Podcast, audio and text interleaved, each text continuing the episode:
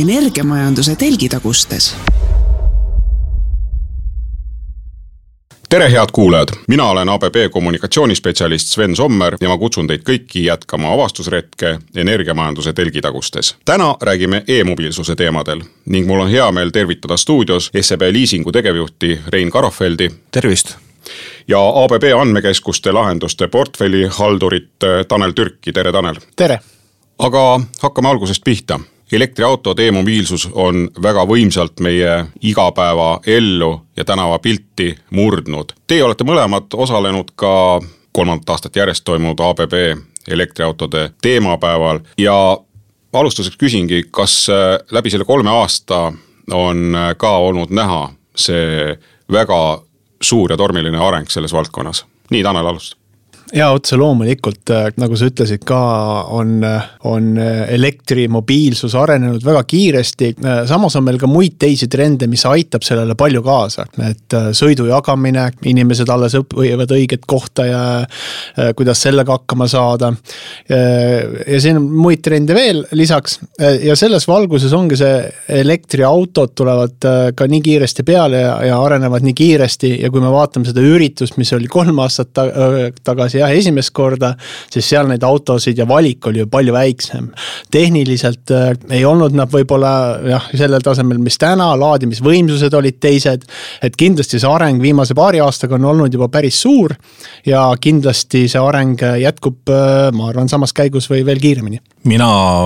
annaksin sellise kommentaari, et me oleme paar aastat lisaks eh, ABB elektromobiilsuse päevale korraldanud ühele kindlale kliendisegmendile ühte üritust SEB poolt ja kus me nii-öelda siis eh, kõrvalosana eh, oleme pakkunud võimalust tutvuda erinevate elektriautodega. ma kolm aastat tagasi, kui inimesed, jälgisin inimesi, kes sellele üritusele tulid, nad äh, suhtusid pigem naljaga nendesse autodesse vaatasid neid, proovisid,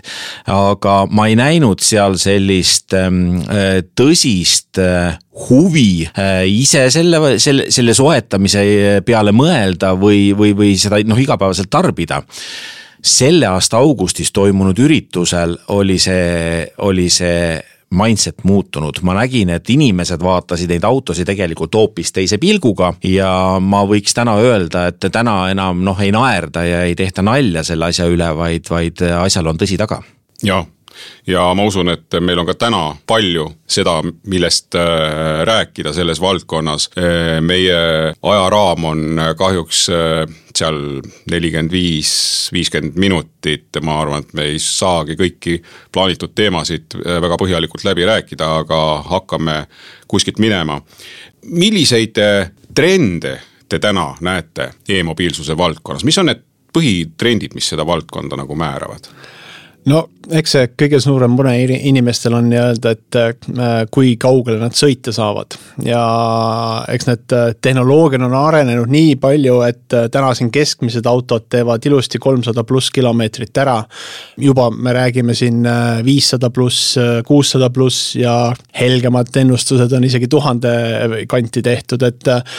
kindlasti on see, mis nagu Eesti inimesel ka, et, et peaasi, et saaks kaugele sõita, et see jah see areneb väga kiiresti täna, kui me vaatame veel, mis on, siis on akutehnoloogiad hästi, hästi palju arenevad kindlasti on jälle küsimusi ka see, et, et äh, kuidas need akud äh, täna, mis autodel kasutatakse, kuidas nad käituvad. väga kuum teema on see, et äh, kas nad lähevad põlema teatud tingimustel või ei lähe. siis akutehnoloogiad tegelikult arenevad selles suunas, et tulevikus neid probleeme ei oleks. samamoodi ka nii-öelda materjalid, mis akudes kasutatakse, et oleks võimalikult vähe selliseid materjale, mida ei ole maakeral palju ehk siis tegelikult vaadatakse tehnoloogia poole pealt väga palju, et äh, tulevik oleks jätkusuutlik ja, ja oleks ka turvaline. et äh, ma ütleks, et need on kaks sihukest äh, suuremat asja, mis, millele tähelepanu pööratakse ja ma täiendaksin võib-olla, võib-olla kahe asjaga, mis on nagu ootus ja mis on nagu trendid. et me peaksime tegelikult liikuma selles suunas, et e, elanikkond peaks seda võtma iseenesestmõistetavana, et, et me, me selles suunas liigume ja, ja siit võib-olla nagu kaks asja, mis täna nagu, nagu takistuseks on, et noh, esiteks on see auto hind, me võime nendest tuleviku või edaspidi nagu pikemalt rääkida sel teemal. aga mina ootan äh, Hiina, Hiina invasiooni kindlasti Euroopa turule, see, see, seda esiteks ja teiseks noh, kui me lähme nüüd natukene maisemaks või tuleme Eesti juurde kus ma veel nagu täna probleemi näen, ma ootan lahendust ähm, Tallinna magalarajoonidele. et ma, ma, ma vaataksin siin nagu avaliku sektori otsa ja küsiks, et kuidas me selle, selle nagu takistuse ära lahendame, et ma peale selle hinna ja, ja magalarajoonide, mõnes mõttes nimetame seda piiratuseks, enda jaoks enam muid äh, takistavaid müüte ei näe, et, et, et see laadimisteema minu jaoks äh, mure ei ole kui võib lisada siia ka mujal maailmas näiteks näitena Hollandis on hästi palju tehtud, ongi just sihuke madala äh, või magala rajooni juures on tänavavalgustuspostid on tihti muudetud äh, laadimiskohtadeks. aga tegelikult, kui autoga on võimalik sõita viissada kilomeetrit äh, ühe laadimisega, siis seda ei peagi iga, iga päev laadima ja väga lihtne on meil äh, vaadata ka nende äh, kaubanduskeskuste juures on juba tulnud päris palju laadijaid, et kui minna kaubanduskeskusesse, panna ta sinna pooleks tunniks laadima, väga ilusti saab äh, jälle nii-öelda aku täis laetud, aga kindlasti magalate küsimus on olnud juba aastaid, millele tuleb leida lahendus. et jah, see on üks asi, millele kindlasti tuleks mõelda. Ma enda poolt lisaks veel seda, et Eh, viimasel eh, Müncheni eh, automessil siis joonistusid ka välja teatud sellised trendid, mis elektriautodega kaasnevad, üks juba Reinu poolt nimetatud Hiina pealetung, sellest jõuame veel rääkida põgusalt, aga siis järjest rohkem soovitakse näha elektriautode puhul seda taaskasutuse momenti, et, et oleks võimalikult palju komponente, kas siis taaskasutatud materjalidest või siis taaskasutatavad edaspidi ja muidugi digitaliseeritus, mis kaasneb kogu selle elektriautondusega, et, et äh, seal mida mudel edasi, mida põlvkond edasi, seda rohkem me näemegi seadmeid, mis ongi mitte lihtsalt autod, vaid digitaalsed seadmed. jah, ma arvan, et üsna lähitulevikus me näeme digitaliseerituse poole pealt veel äh, seda, et inimesed saavad osta omal kasvõi subscription'i baasil nii-öelda funktsioone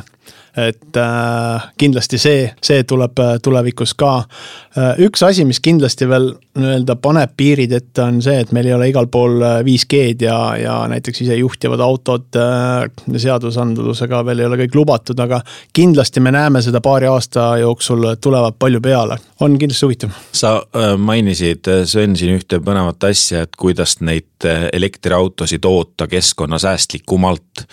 et ähm, noh, ma olen seda küsimust tegelikult küsinud ähm, äh, mitu aastat iseenda käest ja no noh, proovinud kusagilt materjali leida, et et me eeldame, et elektriauto jalajälg on väiksem ja, ja, ja noh, meie ka liisingut tegelikult soodustingimustel pakume. ütleme, et me pakumegi soodsamat intressi, me saame mõjutada seda hetke, seda perioodi, mil sa nii-öelda autot kasutad, selleks hetkeks on auto toodetud. aga noh, vaikimisi on mind see kogu aeg painanud, et, et kui aut-, kui, kui me võtame nagu päevast üks, mil hakatakse elektriautot tootma. ja lõpetades nagu päevaga N, kus tuleb akku utiliseerida. et kui palju see nagu see jalajälg siis tegelikult on ja kas ta on tegelikult siis keskkonnasäästlikum ohtlikum. no ma nüüd mõned nädalad tagasi nägin esimest korda ühte Saksa teadlaste kokku pandud uuringu tulemust, kus tõsi, oli läbi töötatud enam kui sadakond materjali ja jõuti siis arvu, nii-öelda nii arvuni seitsekümmend viis grammi kilomeeter. on siis ühe elektriauto nii-öelda jalajälg ja kui nüüd selle elektriauto tootmisel äh,, igapäevasel kasutamisel akule otstarbe leidmisel ja kõike kasutada nii-öelda taas, taaskasutatavamaid lahendusi ja keskkonnasäästlikke lahendusi, on võimalik seda seitsmekümne viie grammist kilomeetri kohta jalajälge veel seitsmekümne protsendi võrra vähendada. nii et noh, täna ma näen nagu esimest korda ka mingit reaalset arvutust. jah, neid arvutusi on tehtud äh, varem ka, aga need arvutused ei olnud, ei ole olnud kindlasti nii head ja tihtipeale väga sõltub, kes selle arvutuse teeb, eks ole. et mida tahetakse näidata selge on see, et viimaste aastatega on akutehnoloogia, kui me võtame siin kümme aastat tagasi, hinnad on teinud metsiku hüppe allapoole. Äh, näiteks kaks tuhat kümme, kaksteist seal äh, kilovatt-tunni aku kogus maksis umbes tuhat dollarit, täna Tesla siin ütleb, et ta saab hakkama saja kolmekümne, saja kuuekümne dollari äh, piires. et on metsiku hüppe allapoole teinud, aga samas ka materjalid on palju muutunud on, äh, on äh, natukene teised äh, nii-öelda keemiakoostised ja, ja akud saab neid kasutada ka pärast mujal. et on ju ka tehtud projekte, ABB-gi on teinud siin kümme pluss aastat tagasi nii-öelda anda, anda akule teine elu panna neid energiasalvestusseadmetesse. kõik aku, akutootjad või autotootjad ei toeta seda, noh, lähevad seda teed, et võetakse tükkideks lahti, taaskasutatakse, tehakse uuesti, et siin on erinevad strateegiad, aga see on, on asi, millega väga palju tööd ka tehakse täna akuga on ju selge, et, et noh, et see on ka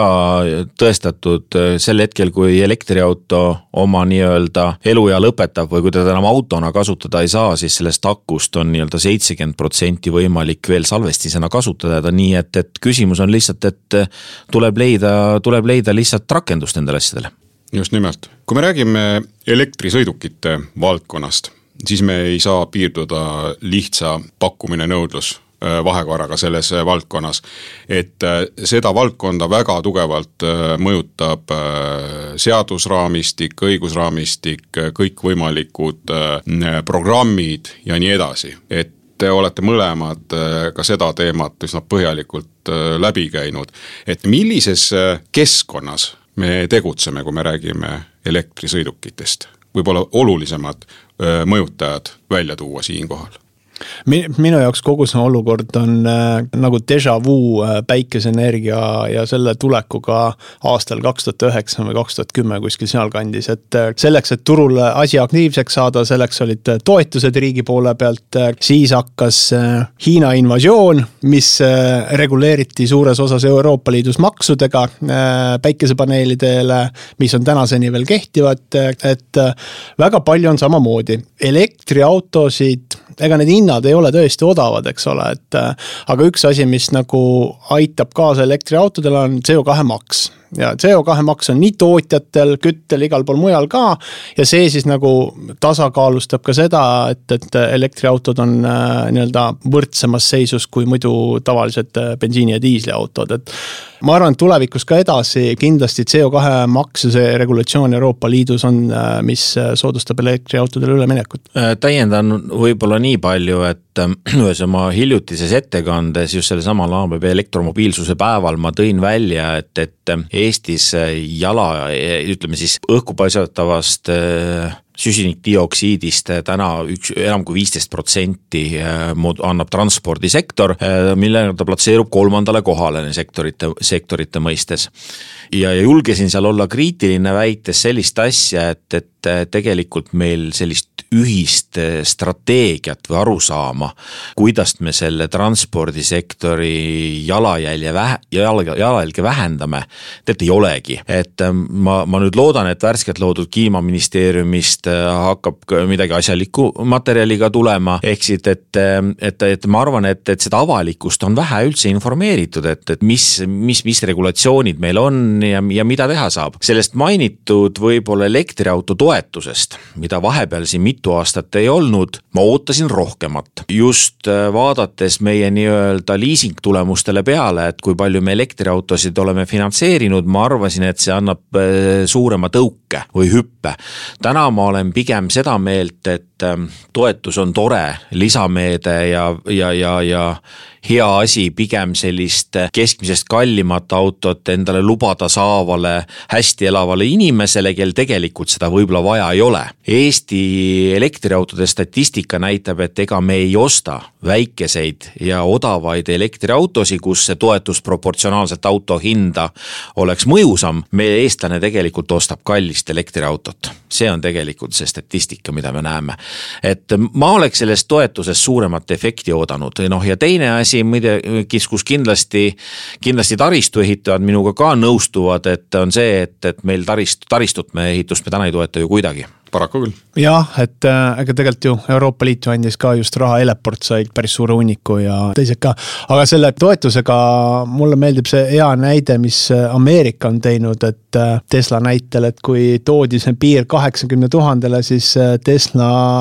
langetas oma autode hindu saja kümnelt tuhandelt dollarilt kaheksa, seitsmekümne üheksa, üheksasajale. et tegelikult on ka teisi riike, kes nagu just ütlesid, et Eestis on kallimad autod lähevad nii-öelda, on, on riike, kes just toetab odavama otsa autosid ja just tegelikult on see enne, kus see toetus tegelikult võikski ju minna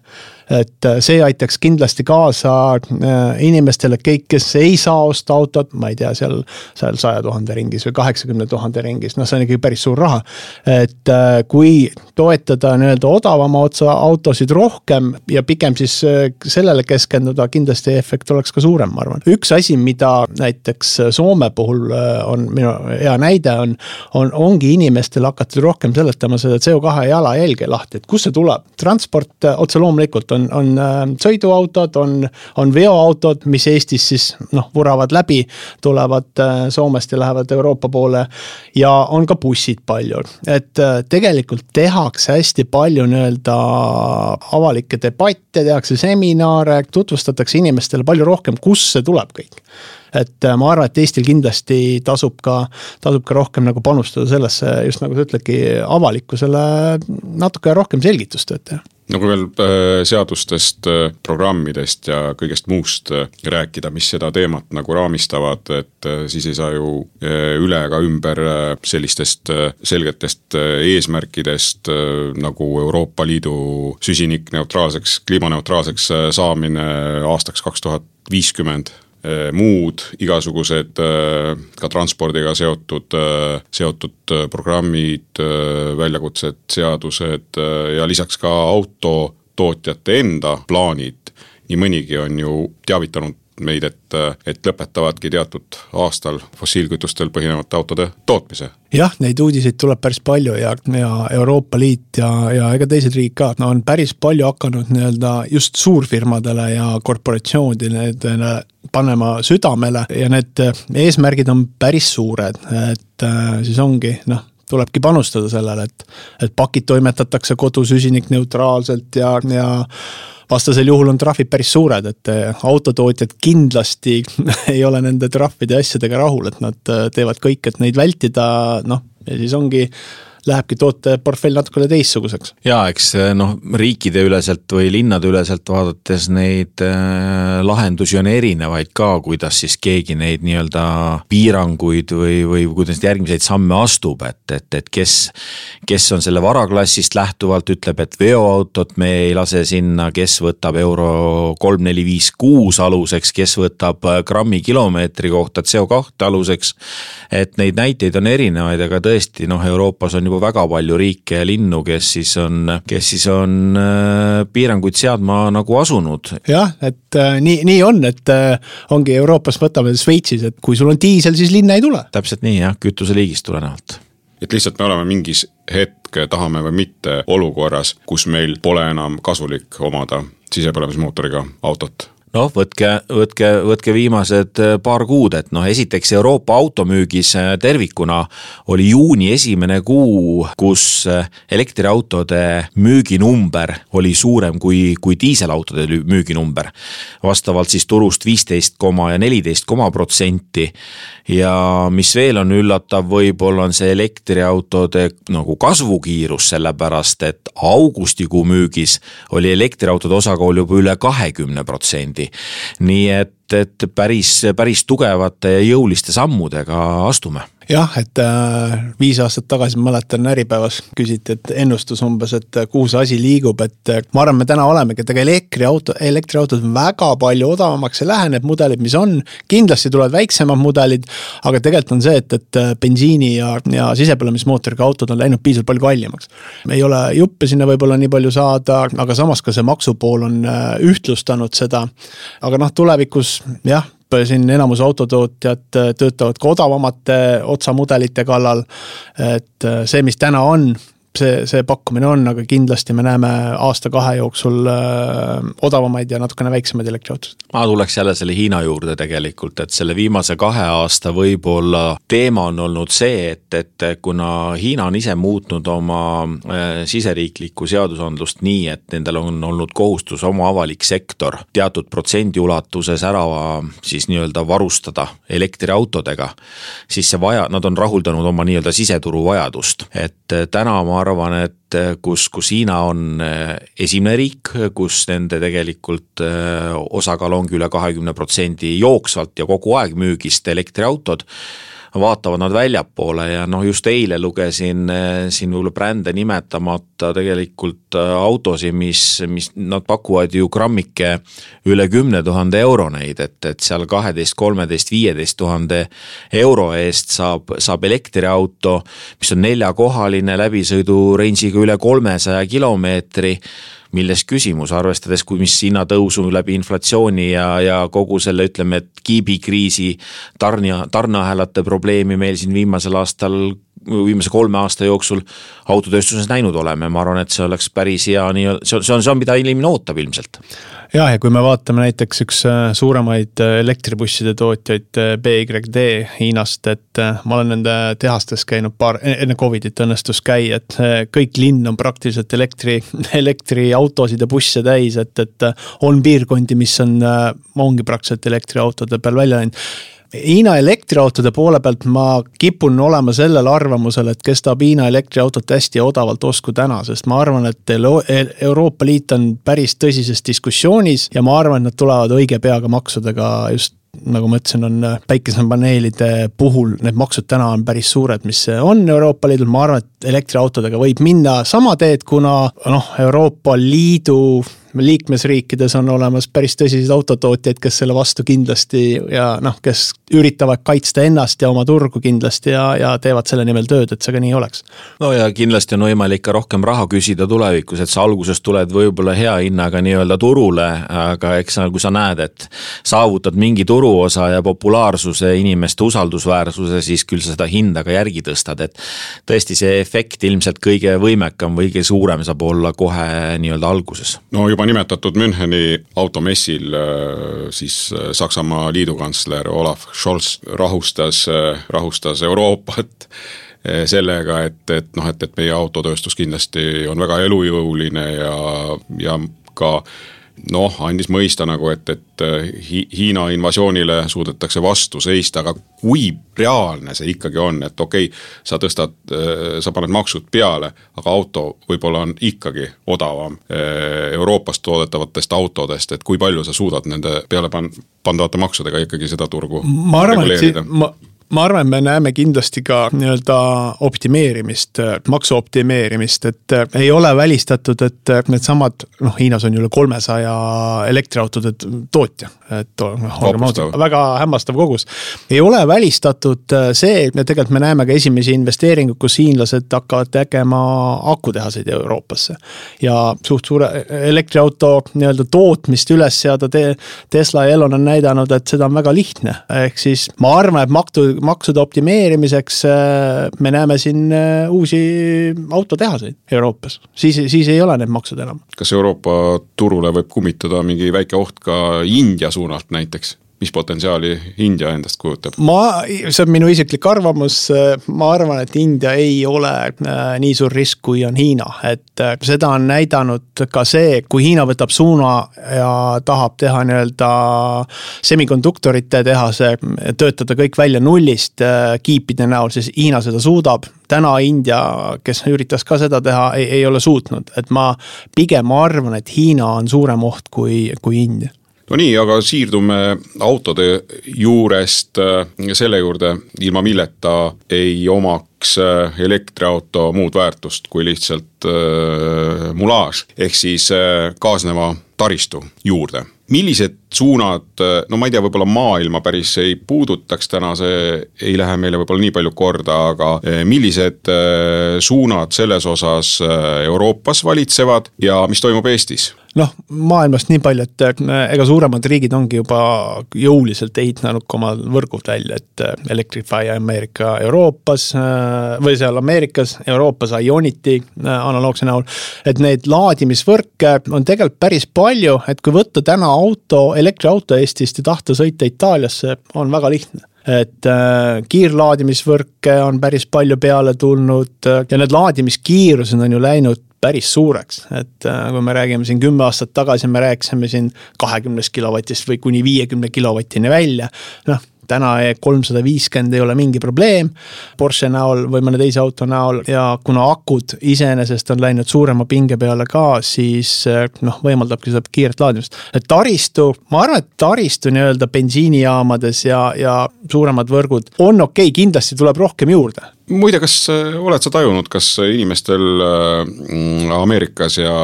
Lääne-Euroopas on samasugused hirmud nagu meil siin Eestis, et, et kuidas ma ikkagi Tallinnast Võrru jõuan? tõenäoliselt ei jõua need hirmud olid äh, kuus aastat tagasi Texases, äh, rääkisin kohalik, no Texas enamus inimesi sõidavad Ford F saja viiekümnega miinimum, kui mitte kahesaja viiekümnega. Neil olid kindlasti need hirmud, kui sa pead istuma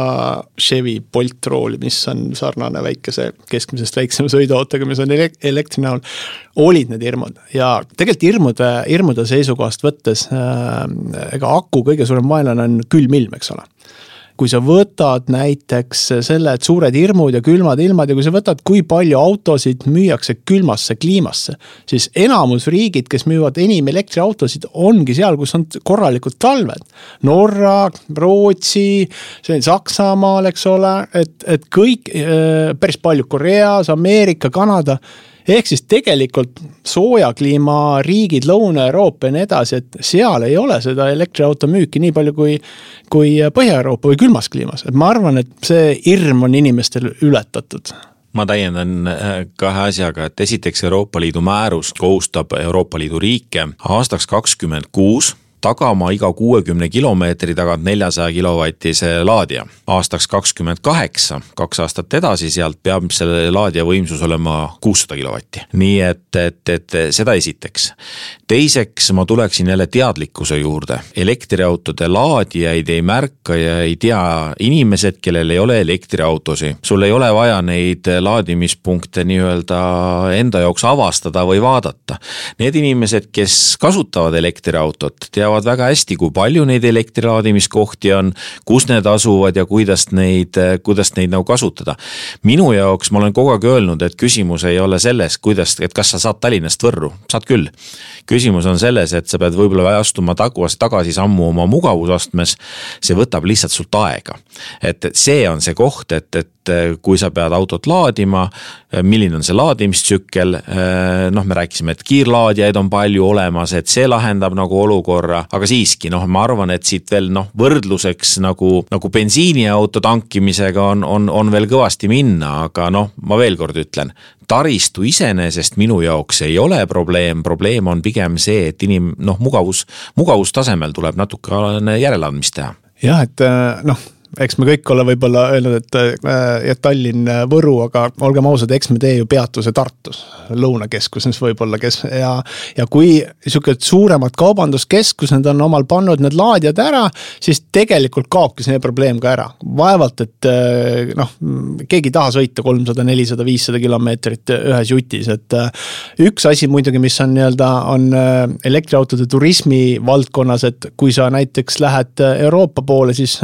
autoga autoga, siis on hakatud vaatama seda, et aga millises hotellis on siis ka laadimisvõimalus. Need hotellid, kes on oma, omale pannud laadimisvõimaluse sinna juurde, need on kindlasti paremas seisus ka. et Eestis, ma küll ei ole harrastanud seda, et vaadata, et äh, kus ma saan ööbida ja laadida, noh, Eestil on piisavalt pisik, et seda probleemi võib-olla ei ole, et äh, et aga tulevikus kindlasti äh, see on üks asi, mida ka veel vaadata. jaa kui veel taristust rääkida, siis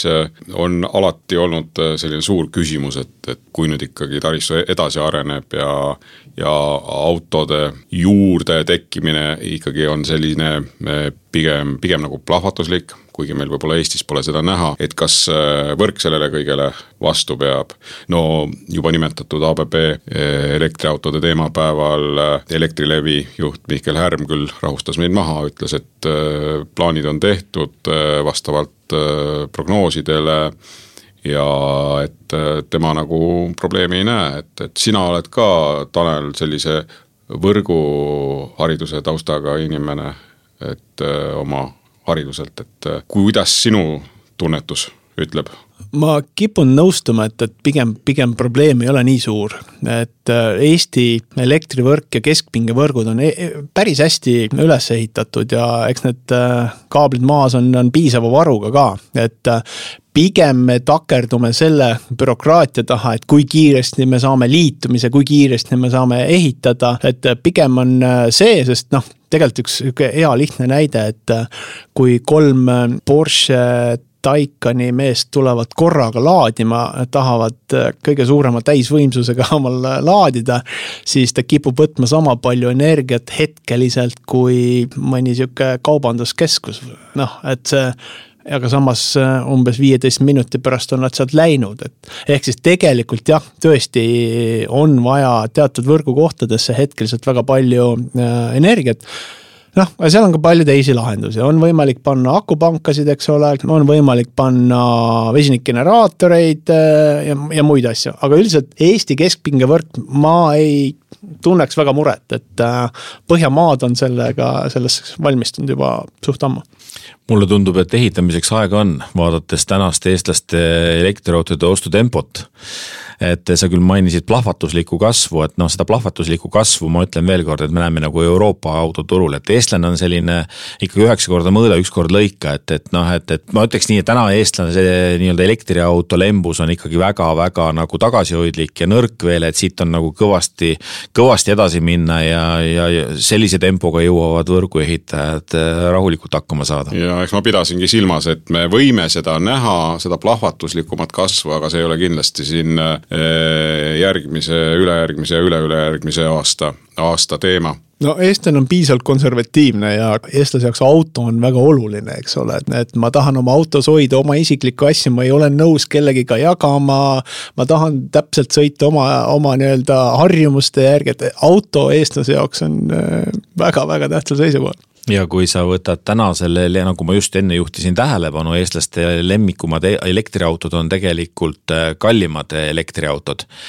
siis äh, väga lihtne arvutus, auto omamiskulu, total cost of ownership, nende kallite versioonide puhul tihti tegelikult ei, ei ole kasulik, sul ei ole kasulik osa, omada seda elektriautot, sa maksad tegelikult äh, selle maailma, maailmavaate eest täna tegelikult peale. et kui tulevad need elektriautod Hiinast, nagu me rääkisime, ja sa kasutad kodulaadimist, mis täna on paraku võimalik valdavalt noh, eramuomanikel ja, ja, ja, ja kõrgema nii-öelda siis sissetulekuga inimestel ettevõtetel, et eh, siis see total cost of ownership läheb kindlasti nagu alla, sest et kui sa täna ikkagi ostad eh, kalli auto, kui sa nii-öelda laed teda mitte kodus, aga kusagil väli, väljapool võrkudes, mis meil siin eh, taristuehitajad pakuvad. noh, see on maailmavaateline küsimus, tema omamine on kallis, ta, ta tuleb kallim, kui sul täna sisepõlemismootoriga autoga ringi liikuda kui me rääkisime enne trendidest, siis maailmas, Euroopas kindlasti on üks kasvav trend äh, elektriautode maailmas nii-öelda jagamismajanduse kasv. Äh, me oleme näinud siin ka Eestis äh, selliste lihtsamate lahenduste puhul nagu elektritõuksid ja puhaett ja, ja veel. see võetakse nagu omaks, sellised teenused, kas elektriautode puhul me võime ka sellist murdemomenti näha järsku, et, et, et, et see põhifookus läheb elektriautode puhul hoopis sellisesse jagamismajanduse suunda? no eks see võtab aega, jällegi, jällegi see noh, kui me võtame telefoni aastaid tagasi, eks ole, et äh, kõik olid Nokiaga harjunud ja laen kord kahe nädala jooksul, noh, mis see iPhone tuleb, hakkad nüüd iga, iga teine päev laadima või ei, ei, see ei lähe kuskile. ja ega ta paar aastat oli ja, keegi täna ei tule selle pealegi, et, et mingi muu asjaga oleks saanud hakkama, et. et see, see on sihuke harjumus, mida on vaja muuta ja ega elektriauto puhul ka noh, kõige lihtsam harjumus, kui sa saadki kodus laadida, kõige lihtsam harjumus on, et sa lähed täisakuga välja. siis tegelikult sul ei olegi vaja kiirlaadijas kuskil praktiliselt laadida jah, kui sa sõidad Tallinn-Võrru, Tallinna otsa mingil põhjusel, siis äh, seal jah, pead laadima, aga, aga harjumust eestlastel, ma arvan, et on, on keeruline nii-öelda muuta. elektritõuksid minu arust on hea näide, et kui nad algul tulid, siis ega keegi proovisid pulli pärast, ega keegi ei kasutanud. täna ma arvan, noh, on linnapildis näha neid rohkem ja järjest enam just noored võtavad selle harjumise üles, et äh, ma arvan, et sõidu jagamisega on sama teema, et äh, just noored on võib-olla need, kes äh, lihtsamalt seda üles võtavad. no kindlasti tahtsingi sinna põlvkondade juurde jõuda, et, et meie siin kolm keskealist meest ümber mikrofoni, kes noh, nagu enne sai rääkida, tahame kõiki oma asju autos hoida ja nii edasi, ilmselt pole nagu õige sihtgrupp või ei ole trendivedajad. et kindlasti need trendivedajad ongi, ongi need milleeniumi inimesed, et, et, et ja, ja küllap ta tuleb, aga, aga, aga tõesti rahulikult ja vaikselt ja võib-olla nagu me nüüd räägime veel taristust edasi, kui meil on reaalselt ikkagi tekkimas äh, teatud probleemid selle taristu rajamisega, eriti kui sa ka Rein ütlesid äh, korterelamute juurde, ehk siis võib-olla seal ei olegi lõppkokkuvõttes tark omada isiklikku autot seal äh, maja ees, vaid võtta see sada meetrit eemalt kuskilt parklast juba siis rendiautona igapäevasteks sõitudeks jah, ma, ma võib-olla nende, kui nende no magalarajoonide juurde veel tulla, ma võib-olla räägiks, no mis seal see minu arvates see probleem on, see probleem on tegelikult üldine parkimiskohtade puudus küsimus ei olegi selles, et kas me ei võiks sinna panna neid laadijaid, me võime sinna panna neid palju, aga ongi see üleüldine parkimiskohtade puudus. ja noh, tihti on see sada probleem, sada meetrit ka inimesele probleemiks, et noh, vaja on trepikoja ette, ette parkida. ja noh, teine asi on see, et noh, kuidas me nüüd lahendamegi selle, selle olukorra ära, kui parkimiskohtade puudus on. ja sinna need eh, F saja viiekümned on kõik pargitud ritta, et, et, et kes seda nagu, kuidas ma ütlen, kes seda nüüd nagu koordineerib või, või, või kes seda nagu muret lahendab, et noh korteriühistu esimehed kindlasti ei hakka nii-öelda seda parkimiskorraldust äh, tegema seal, et see võib-olla on see asi, mis, mille peale peab mõtlema. ma, ma tahaks lisada, et äh, absoluutselt see parkimine on üks suurim peavalu, et äh, mul enda kogemus Õismäega, mida ma olen täheldanud, on see, et on hakatud vähemalt kollaseid jooni tegema. et see F sada viiskümmend seal nurga peal parkides enam võib-olla ei pargi liiklus kinni. probleem, mis magalatel täna tuleb, ega korteriühistutel ei ole seda maad, see on linnamaa. täpselt nii. ja siis tekibki sihuke loll kolmnurk, värk, et ühelt poolt on korteriühistu, võib-olla on lausa täitsa eduline ühistu, kes äh, tahab midagi teha ja arendada. aga siis tekib see, et on linnamaa ja siis, aga kes hakkaks seda teenust siis pakkuma, et sihuke kolme teenusepakkuja linna ja, ja korteriühistu mure ja ka keegi ei ole täna motiveeritud seda äh, lahendama, kui siis need entusiastlikud elektriauto omanikud üritavad siis noh, kuskil seda laadida või olla või teha, aga aga linn, ma leian, et linn on see, kes peaks täna nagu mõtlema üleüldisemalt, tegema mingi plaani. Äh, kas siis korteriühistutele andma rendile mingi parklaala või, või mida iganes. aga jah, seal on see just see omandi küsimus on äh, sihuke üks kõige suurem küsimus, mis tekib? no jällegi pöördudes tagasi meie teemapäeva juurde, kus äh, esines ka abilinnapea Madle Lippus, siis äh, noh, ma vähemalt veendusin selles, et äh, linnal nagu mingisugune visioon selles osas see mure lahendada on siiski olemas ja sellega tegutsetakse kui kiiresti kuhugi jõutakse, see on nüüd nagu teine asi. aga ma väga lootust äh, ära ei kaotaks, et, et, et äh, võib-olla jõutakse ajaga sammu käia. loodaks küll, et äh, ma tahaks ühe näite tuua mõnest teisest riigist, et hästi palju on ka levinud see, et mõni natukene noh, sihuke ettevõtlikum mees, kellel on oma eramaja ja päikesepaneelid, on aianurka teinud parkimisplatsi, pannud sinna selle kodulaadija ja pannud ka siis äh, nii-öelda voolumõõtja ja, ja ja naabrimehega diili teinud, eks ole, et kuule, et noh, mul siin päike tuleb, eks ole, lae ja, ja saame kokkuleppele. et noh, Eestis on jälle võib-olla seda keeruline natukene teha, võib-olla seadusandlusega, siis sa pead hakkama elektrimüüjaks ja mida iganes, aga, aga osades riikides nii-öelda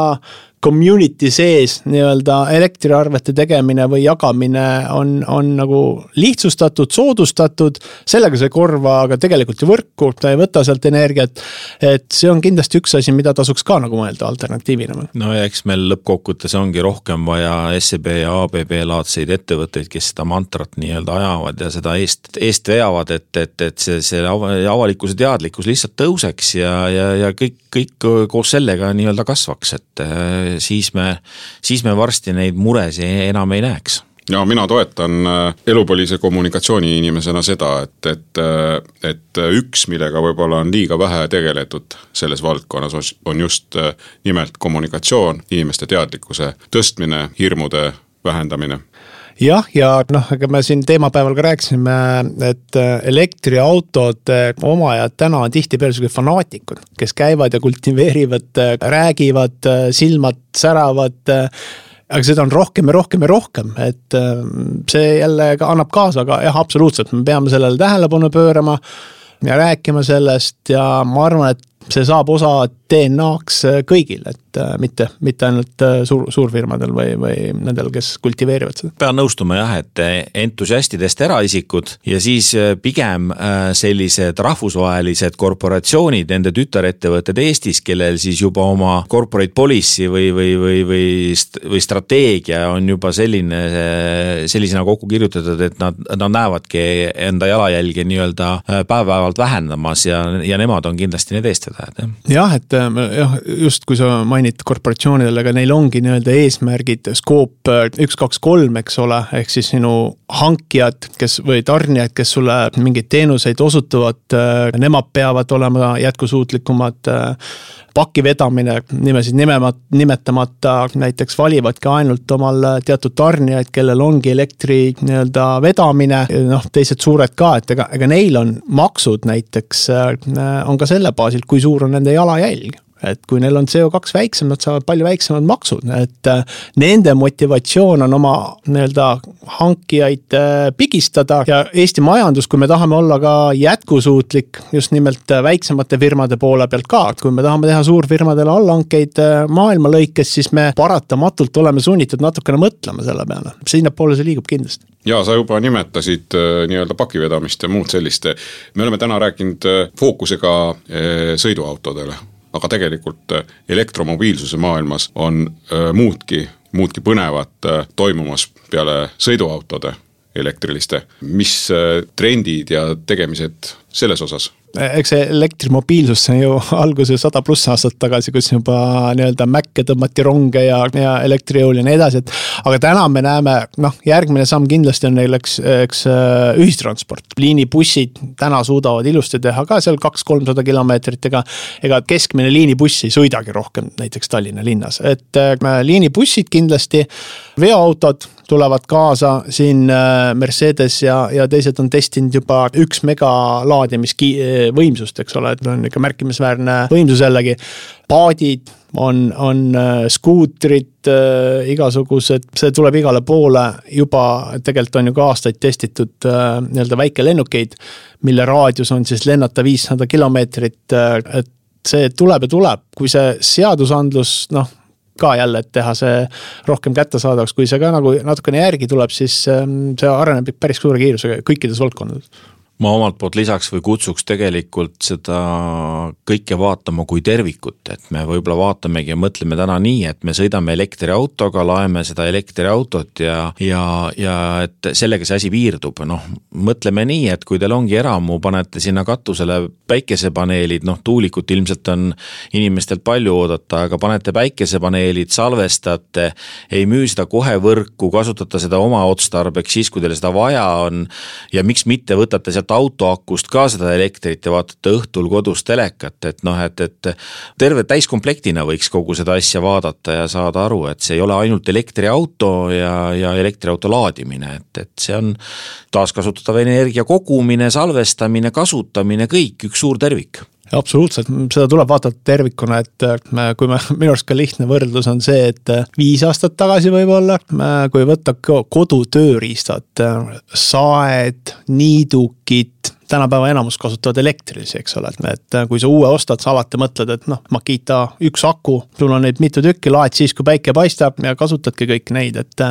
endal, endal nii-öelda parem hingata ja, ja naabrimees ka ei ole nii kuri, et sa täristad seal nurga taga tead nii kõvasti, et absoluutselt tuleb seda vaadata kui tervikut. jah, tervikut kasvõi selles mõttes, et äh, variant üks on, et sa sõidad oma isikliku elektriautoga kodu ukse ette, aga sa võid võtta ka rendiauto, sõita sellega parklasse, sealt edasi võtta juba viimaseks äh, viiesajaks meetriks tõuks või kui lähed poodi, siis kastiratas, nii et et äh, võimalusi on juba täna ju tegelikult väga palju. viimase viissada meetrit, Sven, ikka käid jala, see on kõige, see on kõige keskkonnasäästlikum. mina käin kindlasti jala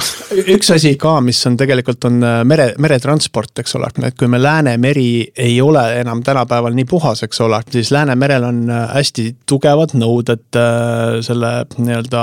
CO2-ga ka. et näiteks siin Tallink on ju teinud koos ABB-ga nii-öelda kaldalt laadimise, et kui tuleb nende laev, siis la, selle asemel, et äh, siin äh, diisel või äh, laev tiksuks, pannakse kaldalt laad-, kaldalt laadima ta, võetakse kaldalt elekter. ja osad praamid Taanis on täiesti ja Norras on viidud üle kõik elektrile, see, ma ütleks, et see tuleb igas valdkonnas,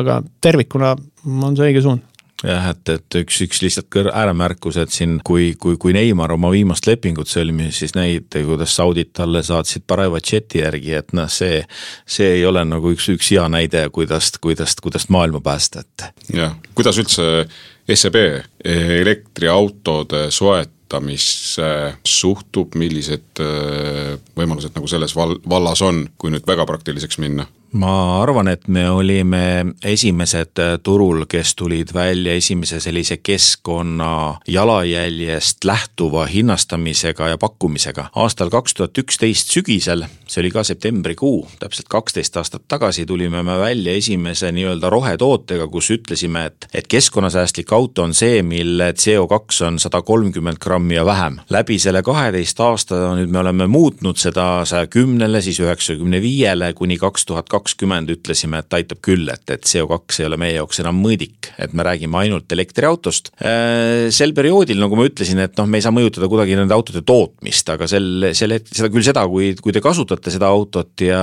ja üks nelikümmend viis läbi viie aasta margi, puhas marginaalina,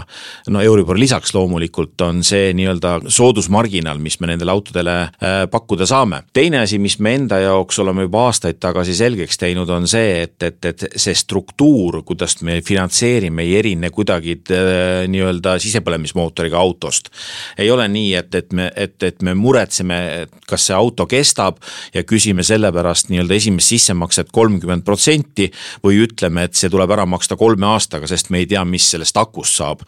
täna ma olen seda ka öelnud, et esimese põlvkonna e-Mu'd ja esimese e, põlvkonna Leafid äh, sõidavad täna ju tänava peal, et noh, et mis nendega siis nagu juhtunud on, et mitte midagi. täpselt samamoodi nagu me struktureerime kasutame tavalist äh, autot, esimene sissemakseperiood, võimalusel siis automüüjaga koos jääk lõpus,